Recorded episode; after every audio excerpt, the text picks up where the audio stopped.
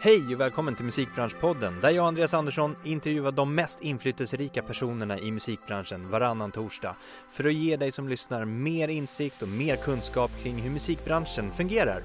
Idag har vi ett riktigt intressant avsnitt som jag verkligen har längtat efter. Jag pratar med ingen mindre än artisten Petter. Petter som är en riktigt driven entreprenör, både när det gäller sin musik men även utanför där han jobbar med alla möjliga olika projekt och företag. Vi pratar om allt från vikten av att ta tag i sin egen karriär, att själv vara i förarsätet och ta kommandot, till hur Petter tänker kring till exempel sociala medier och mycket, mycket mer. Häng med i ett otroligt inspirerande avsnitt.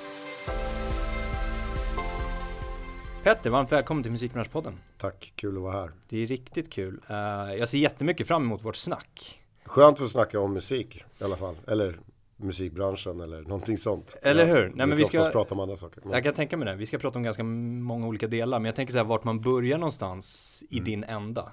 Du är ju överallt känns som. Alltså tittar man på din Instagram så kan det vara du börjar i år en dag. Ja. Mellan annat på träningspass i Stockholm, västkusten, swimrun. Hur hinner du med allt? Um, ja, jag tror att det är många som ut, utifrån som uh, uppfattar mig som en ganska spretig aktör. Ehm, men eh, samtidigt så jag har alltid varit en, en eh, jag brukar säga det, jag har alltid varit en upprorsmakare i mitt eget sätt att vara. Så jag har liksom, jag tyglar mig inte riktigt efter någon stereotyp bild av att så här behöver man vara för att man är artist. Utan jag är väldigt passionsdriven med betoning på driv. Mm. Eh, att jag gör saker som jag är intresserad av och gillar. Och eh, artisteriet och musiken gav mig en, en enorm plattform att göra en massa saker. Eh, som jag i och för sig säkert hade gjort ändå oavsett om jag hade haft en artistkarriär bakom eller inte. Men så jag är ju inne i liksom allt som jag tycker är kul att hålla på med. Här på bordet ligger en jättestor sån här portfolioväska som jag, jag har köpt. För, jag håller på att måla jättemycket så jag behöver den till, till mina akvareller. Så att jag jag är inne i det och det har jag ju sig gjort hela mitt liv. Men jag har plockat upp det väldigt mycket nu. Så att det är så här. Det är saker som händer hela tiden. Jag kommer från studion, jag skrev en ny låt idag. Så att jag är så här, det händer saker. Ja. Känner du någonstans att det blir lite mycket ibland? Eller? Eh, ja, jag känner ju att jag är trött. Det är jag ju alltid nu ja. för tiden. Nu är jag snart 45 år så att jag är inte det där man har inte det där ungdomsgoet. Eh, fast å andra sidan så är jag mer driven idag än vad jag var när jag var 25. Har jag kommit fram till. Okay. Eh, för att jag tror att med åldern i, i den här branschen så blir man också mer luttrad men man blir också mer målmedveten och man blir väldigt mycket mer cut the bullshit och så går man rakt på sak istället. Mm. Så man effektiviserar sig själv på ett annat sätt tror jag också. Mm, just det. Men eh, jag tänker, vi ska prata lite om ditt artisteri. Eh, mm. Men entreprenörskapsdelen också och titta på hur du blandar det med ditt varumärke och så vidare. Mm. Um, men hur balanserar man det här, tänker jag just artisteriet och entreprenörsdrivet? Eh, för mig tror jag att det kommer väldigt naturligt för att eh, jag tror att det kan vara så att det kan bli spretigt för vissa människor. Ehm, um, hur, hur, man då, ja men hur kan du hålla på lite där och sen gör du lite där och lite där. Men för mig passar det ganska bra för att är man då hyperaktiv som jag är och har en milt sagt svårt med fokus ibland och koncentration när jag inte är super, super intresserad. Så är det ju så att jag, när jag är intresserad av någonting, när jag tycker att någonting är väldigt, väldigt kul, då blir det verkligen på riktigt för mig hela vägen. Men sen är det ju så att efter, efter ett tag, det finns en viss brintid på det där. Så mm. när den liksom har brunnit ner den, den, det ljuset så eh, har jag liksom ingenting mer att ge just då. Och då är det ganska bra att koppla på någonting annat. Och sen så kan jag gå tillbaka till det här som jag höll på med. Eh, och så håller jag på sådär och balanserar runt de här olika det är liksom som små bollar som är i rullning hela tiden. Så nu rullar jag på en boll och så, så när jag tröttnar på det då rullar jag på en annan boll. Och så håller jag på sådär. Och det som kan bli det negativa i det där det är att, eh, att jag kanske måste byta boll när jag egentligen vill vara kvar där jag egentligen är. Och det kan störa mig ibland. Så att, eh, ofta är det att jag kanske vill vara längre i studio eller jag vill göra mer i studio. Och så är det så här, ja men du måste göra de här sakerna för det är, är saker som jag behöver göra. Just det. Eh, men jag har varit också ganska noga med att inte tumma på mitt konstnärskap eller liksom jag hatar när det går ut över det. För det får det inte göra. Och det har det gjort några gånger kanske under min karriär så här ordentligt. Men inte, inte på flera, flera år tycker jag i alla fall. Ehm, så, att, så länge jag för det är, ändå, det är ändå det viktigaste för mig fortfarande än idag. Eh, om någon frågar mig vad gör du för någonting? Då säger jag, ja men jag är artist och textförfattare. Det är vad jag är. Det är vad som står på mitt visitkort om jag skulle ha ett visitkort. Mm. Men sen är det ju så att jag säljer vin, jag driver hotell, jag driver krog, jag eh, är kreatör, jag håller på med massa, ja men du vet, jag gör en massa saker. Så, mm, mm. så är det ju. Swimrun. Ja, arrangera lopp. Till exempel. Ja, till ja. exempel. Ja. Men, men det, i grund och botten är det ju någonting som du är liksom passionerad över. Ja, det är det ju. Och sen så är det ju så också. Det finns en, en, en, en generell benämning på allt det här. Och det är att allt hänger ihop. Mm. Eh, och för mig gör det det. Och eh, jag var ju också med under en bransch som... Jag varit med under en bransch som har förändrats väldigt mycket. Speciellt i sitt distributionssätt. Mm. Man pratar om att en gång i tiden sålde vi en plastbit. Och alla skivbolags-VDs eh, drack kryg och flög första klass. Och eh, Sen så kom det en, en, en diskbänksrealism när alla laddade ner musik och det var Pirate Bay, Napster och allt vad det hette, LimeWire. Och sen så fick alla panik och sen så blev det streamingen. Liksom. Jag har ju lärt mig navigera i det där klimatet men också att faktiskt eh, utveckla mitt eget uttryck i form av vem jag är och hur jag är. För att när jag slog igenom som eh, rappande kille liksom från Söder och rappade på svenska så som jag gjorde så var det ju också på ett sätt som att eh, det fanns ju så mycket koder och regler. Man skulle förhålla sig på ett visst sätt. Och, eh, man skulle ha vissa kläder och, och, och det, var, det, var, väldigt mycket så stereotyper.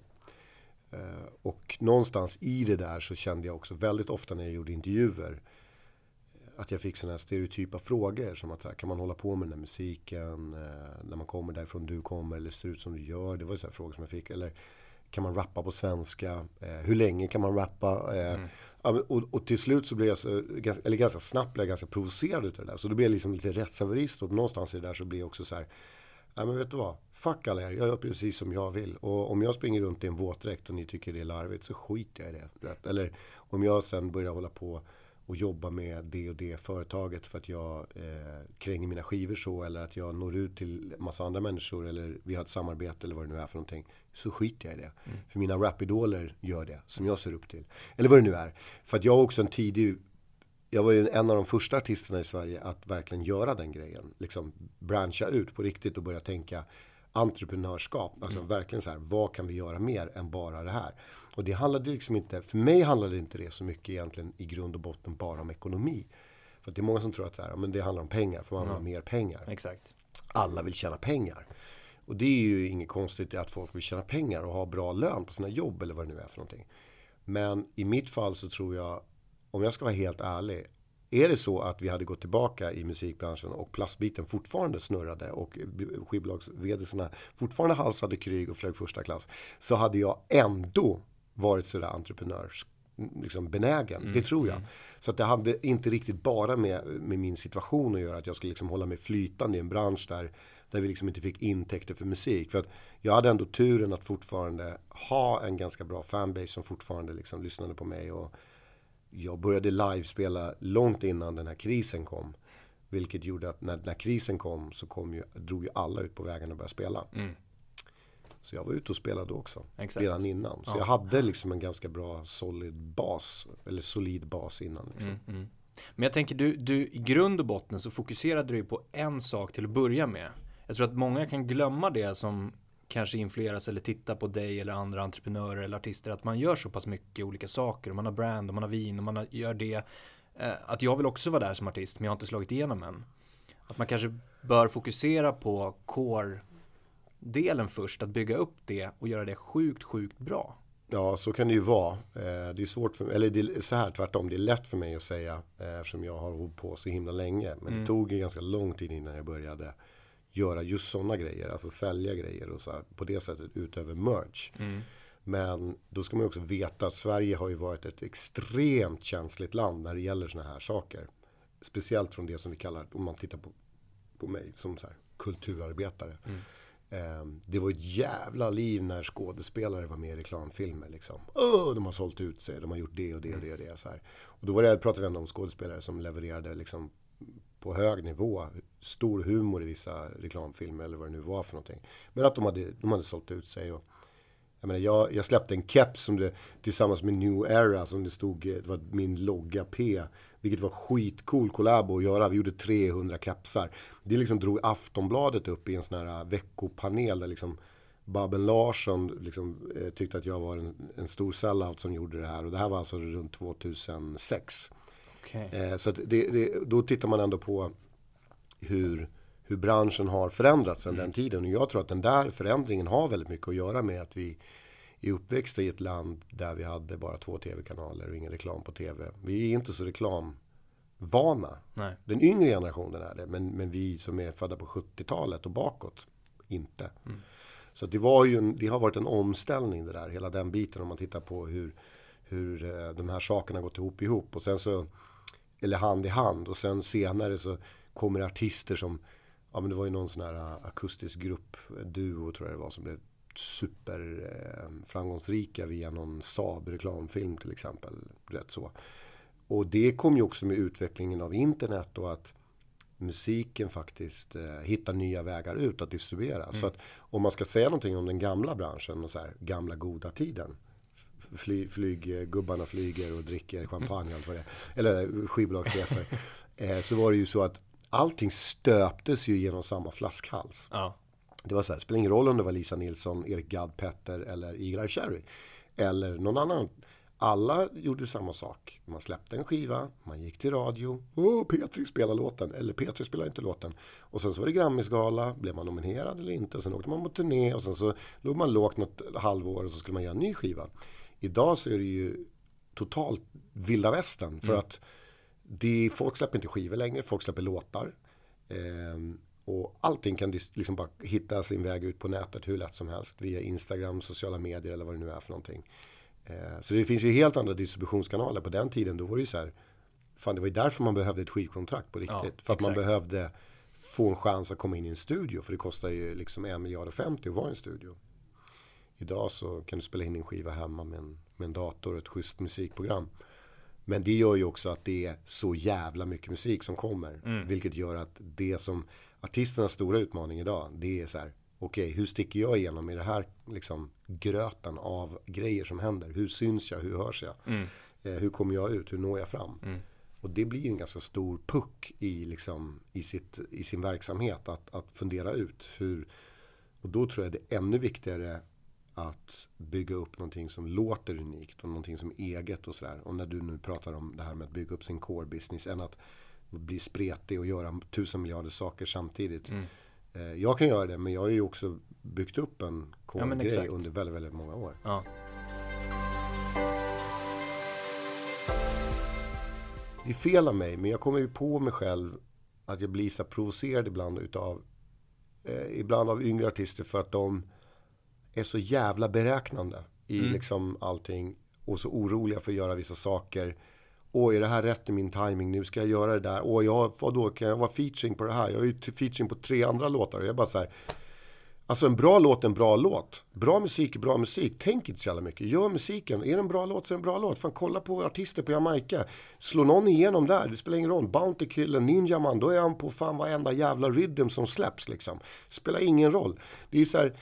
Någonstans det blir för mycket Jönssonligan-planering. Liksom. Mm. och, och, nu kommer det från mig som ändå är en, en, en, en, strateg och planerare av rang när det gäller att släppa skivor och sådär. Men samtidigt, bra musik är bra musik. Så, så här, jag gjorde massa featurings förra året. Jag gästade alla möjliga olika artister som frågade mig. Och jag känner mig hedrad, jag har inga problem. Jag bara wow, jag hoppar på så bara kör vi. Ja. Liksom, det är den, eh, men där, där kan jag känna att eh, jag, tror, jag tror inte man ska vara så rädd. Jag tror man ska liksom omfamna att det är ändå du kan aldrig få skit för att du gör bra musik. Nej. Det är bra musik är bra musik och det är ändå alltid det du kommer falla tillbaka på. Oavsett om du får den där äh, festivalspelningen eller den där A-listan eller, eller vad det nu är för någonting som kanske betyder mycket för dig eller vad det nu är. Och det här liksom funderandet på om man ska göra det eller hoppa på det eller göra den featuren eller något så kan ju gå ut över det kreativa också. Det, det, är väldigt, vet du vad, idag så är det tyvärr väldigt mycket som går ut över det kreativa och med risk för att låta som att det var bättre förr, vilket jag inte alls vill vara. För att jag tycker att det är roligare nu. För att det finns mycket större svängrum liksom, i saker och ting. Så det är klart att det är lite farligt när, när det kreativa påverkas så himla starkt av att man kanske måste vara på en viss lista på en streamingtjänst. Eh, att låtarna nästan blir, ja men det som man gör, som man gör slager idag. Man mm. liksom skräddarsyr det för ett visst koncept. Det kan jag tycka är, är, kan bli farligt när det är för mycket sånt där som på något sätt inkräktar på det kreativa. Mm. Samtidigt så vem är jag att säga det och vem är jag att döma den saken. Konst och musik måste få vara helt fritt egentligen. Och det är upp till all var och en och hur man vill göra det. Och sen är alltid liksom, tycker man saker är bra eller dåligt, ja smaken är som baken, delad och personlig. Mm. så är det. det var ingen som trodde på de här demosarna, svensk rap. De var bara nej, det här går inte. Det funkar inte. Och när vi, när vi landade den här dealen med, på BMG då. Då kände jag bara så här, okej okay, det är bara en kille som tror på det här. Och han är inte så ofta där. För han gör massa andra saker. Men han har ett bra öra. Ja. Eh, och det kommer jag alltid respektera honom för. Och han heter Peter Svartling. Mm. Och, och jag kände så här, fan det här, nu är det bara att kavla upp armarna. För ska det här bli någonting, då måste jag göra det här själv. Det var ju därför alla de här historierna, liksom att jag ringde till skivbutiker, frågade om jag hade min skiva, fyllde på själv med min mamma, åkte till DJs, gav dem mina skivor. Liksom så här, jag gjorde allt det där, jag var hands-on på alltihopa. Och sen när jag kom hem på kvällen så tänkte jag alltid så här, fan, kan jag ringa ett samtal till? Kan jag jaga ner någon till bara för att förbättra min situation lite grann? För att kunna gå och lägga mig i sängen och känna att fan, jag har gjort det mesta, mesta, mesta, mesta jag kan göra för den här dagen. För att sen nästa morgon vakna upp och bara, nu kör vi. Och det, jag gick till alla intervjuer för att jag ville hålla ner kostnaderna för artisterna skulle tycka att jag, eller skivbolaget skulle tycka att jag var en bra business liksom. Att, att jag inte var en artist som kostar en massa pengar för man har hört skrönor om artister som brände massa pengar i onödan och liksom typ åkte limo eller vad det nu var för mm. någonting. Liksom. Så jag tänkte så här, jag gick till alla artister. Så jag var ju trådsmal, jag var ju fan den mest deffade snubben under 98-99 för att jag, du vet, jag käkade nudlar hemma med keso och sen så gick jag till varenda jävla intervju. Så jag hade ju säkert 30 000 steg om dagen liksom. För att jag knallade runt överallt för att jag ville vara en bra affär för BMG. Och hela tiden känna så här, jag gjorde mitt yttersta. Och det tror jag liksom det handlar om i slutändan. Och det är det som jag känner fortfarande att jag har det drivet, att jag inte blir jag blir inte jag blir inte slapp liksom mot, mot eh, själva eh, utförandet. Mm. För hade jag blivit det, skulle jag bara släppa skivor idag bara så här slentrianmässigt. Ja, men jag släpper skivor för jag behöver få in lite, lite deg nästa sommar eller vad det nu är för någonting. Det, det är liksom, då kommer inte jag hålla på med det här. Nej. Och då har jag sagt till mig själv, och då kastar jag in handduken. För att jag vill inte bli en artist som fejdar ut liksom. Utan det, det, det, när jag slutar då ska det kännas som att jag slutar på en värdig punkt. Mm.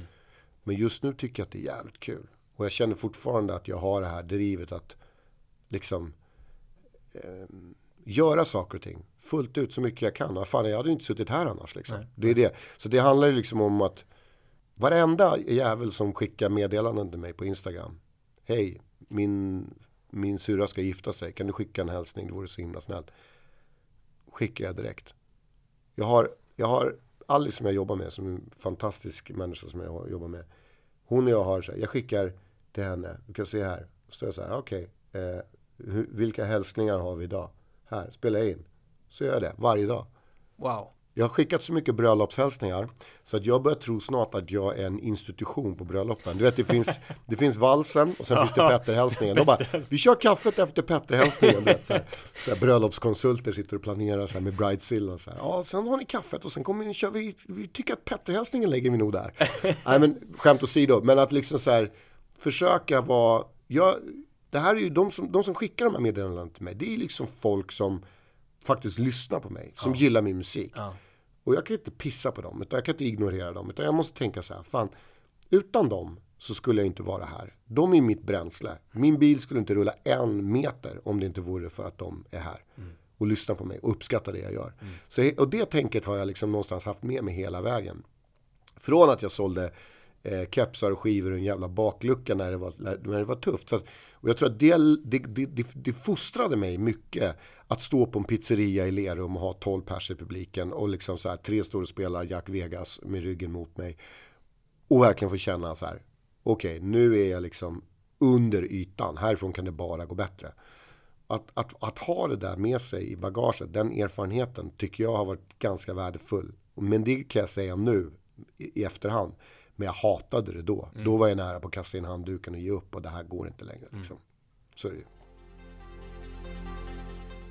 För det första, det vill jag säga till alla som, som ger sig in i musikbranschen. Alltså att vara artist.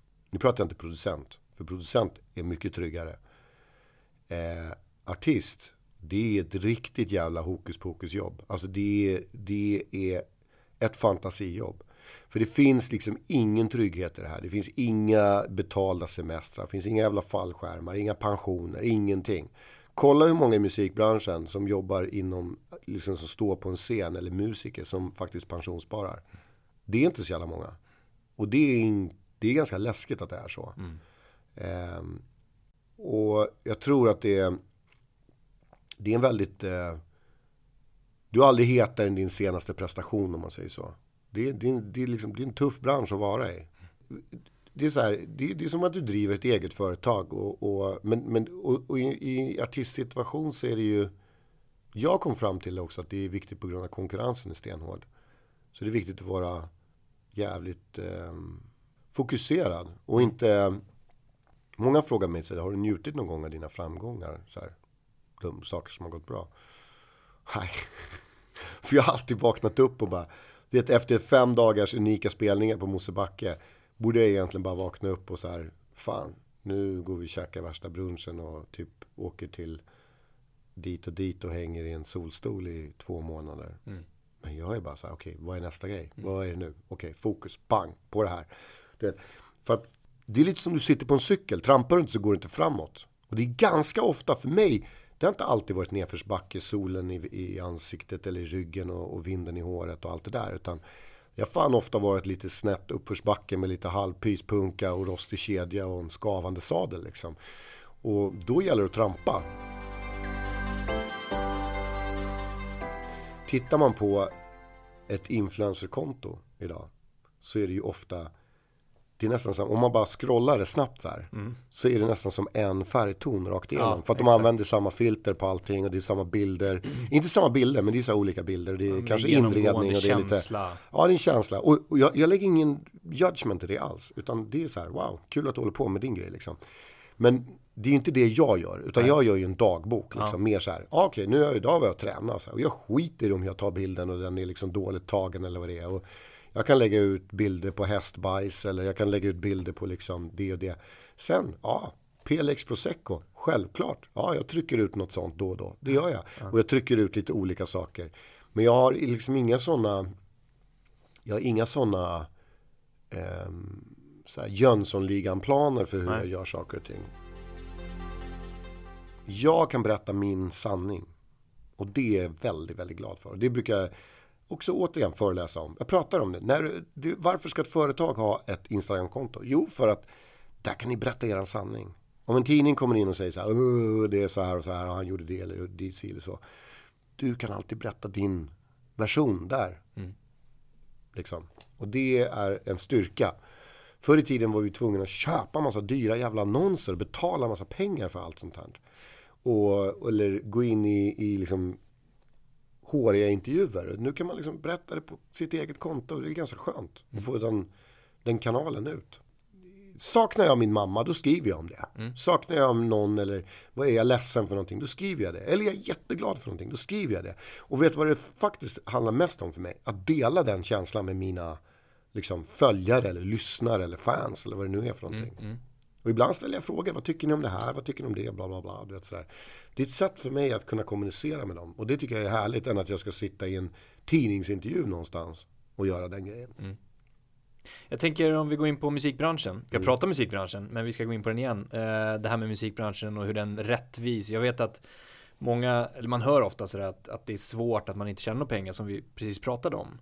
Um, men det ska ju inte vara så himla lätt heller att slå som artist. Det ska ju inte vara att alla ska bli artister, precis som alla blir inte fotbollsproffs. Nej. Ska det inte vara lite motstånd? Jo, det ska det vara. Och sen så är det så här. Jag tycker ibland att skivbolagen får ju ibland lite oförtjänt mycket skit. Um, ungefär som att det är Nosferatu-hus liksom. Mm. Där där det bara är djävulskapar. Men så är det ju inte riktigt. Utan det är också väldigt individuellt från ställe till ställe. Och vissa behöver skivbolag för att slå igenom eller för att liksom eh, sköta sitt kreativa jobb i studion. Eh, vissa behöver inte. Eh, det är tufft att slå igenom. Jag tror inte alla ska inte räkna med. Jag har varit jätteinvolverad i många projekt där det inte har funkat. Så jag har varit involverad i projekt där det har funkat jättebra. Mm. Och det är svårt, för det är ingen som sitter med någon jävla glaskula och kan sia i framtiden om hur saker och ting kommer mottas eller inte. Jag tänkte hela tiden att jag kunde falla tillbaka på studier. Mm. Vilket gjorde att, eller att jag gjorde kanske mest musik i början för att jag ville bli bekräftad av mina kompisar. Av dem. Mm. Jag behövde inte ha en större publik liksom.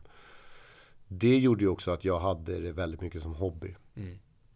Och det brukar vara mitt eh, absolut hetaste tips till eh, unga blivande musiker, artister, grupper. Var så här, fan gör det för att det är en hobby. Mm. Ha det som en super, super kul grej. Ni kan göra det sju dagar i veckan, 24 timmar om dygnet. Men ha det som en hobby. Och se till att ha en plan med någonting annat i livet. Där du liksom har ett jobb eller en utbildning. Dessutom, det är inte fel att utbilda dig. Det är inte fel att liksom skaffa dig en allmänbildning och, och lära dig saker och ting. Gå kurser eller vad det nu fan är för någonting. Komvux eller vad du nu gör för någonting. Samtidigt som du gör de här sakerna. Det värsta, det är när du träffar sådana här som bara ah, fy fan, nu ska jag satsa på musiken. Jag har bara sagt upp mig, jag har tagit liksom lån på huset för att köpa den här synten och nu kör vi liksom. Och, jag bara, och det på något sätt ska göra dem mer berättigade att bli artister. Mm. Det stämmer inte. Mm. Det är snarare tvärtom. Det blir nästan oftast magplask. Utan jag tror på att så här, gör grejerna för att det är kul och för att det känns bra. Jag träffade en, en tjej som sjunger som är jävla duktig och som slog igenom eh, ett tag och försvann sen från scenen. Så träffade jag henne nu så här så bara eh, vad gör du nu? Så här. Hon bara, ah, men jag bara kände, jag fick nog, jag tog en paus och nu börjar jag plugga på KTH. Jag bara, wow, grymt. Hon bara, ja och nu började jag faktiskt, nu har jag börjat med musik igen vid sidan om. Och det är så himla kul. För nu gör ju hon det också förutsättningslöst. Utan massa krav och liksom eh, press på sig att hon måste liksom prestera och lyckas. Och då kan ju musiken komma mycket mera mer ur glädjen. Förstår du? Exakt. Det värsta du kan ha på dig är en jävla blåslampa på att du måste leverera en, en stark låt eller vad det nu är för någonting. Ja. Um, och, och, det tycker jag var, jag bara, det där var det där kan ha varit nästan så att du borde få ett Nobelpris för den här manövern tyckte jag. Liksom. Ja, men du vet, mm. det, är så, det, är ett smart, det är ett smart move. Ja. Så hoppa inte, ha något vid sidan av. Ja, men jag tror det och liksom Sen kan det vara så här, oh, men jag, jag kan bara vara kreativ. Okej, okay, då är det en, en variant att det är så. Men mm. i den mån det går, tycker mm. jag. Men du kan vara kreativ i många andra ja, saker Ja, och sen också. nu låter, nu, det, det, jag, jag hör ju mig själv här nu. Det låter ju som att jag sitter och liksom drar någon sorts framgångsrecept här. Men det är inte det det handlar om. Jag tänker bara så här, det är så jag tänker i alla fall, ja. utifrån mig. Exakt. Sen är inte det att det passar inte alla. Nej. Och det måste man ha klart för sig också. Och alla artister vill inte ha Instagram. Alla artister vill inte skriva personligt där eller vad det nu är för någonting. Så det, det är så här, allting är ju individuellt. Ja, och det är del i den här podden att vi visar upp alla delarna. Det ja. är, det finns många delar att göra det på, eller olika sätt att göra det på, mm. så ska jag säga. Petter, stort tack för schysst samtal. Tack för att jag fick komma hit. Tack.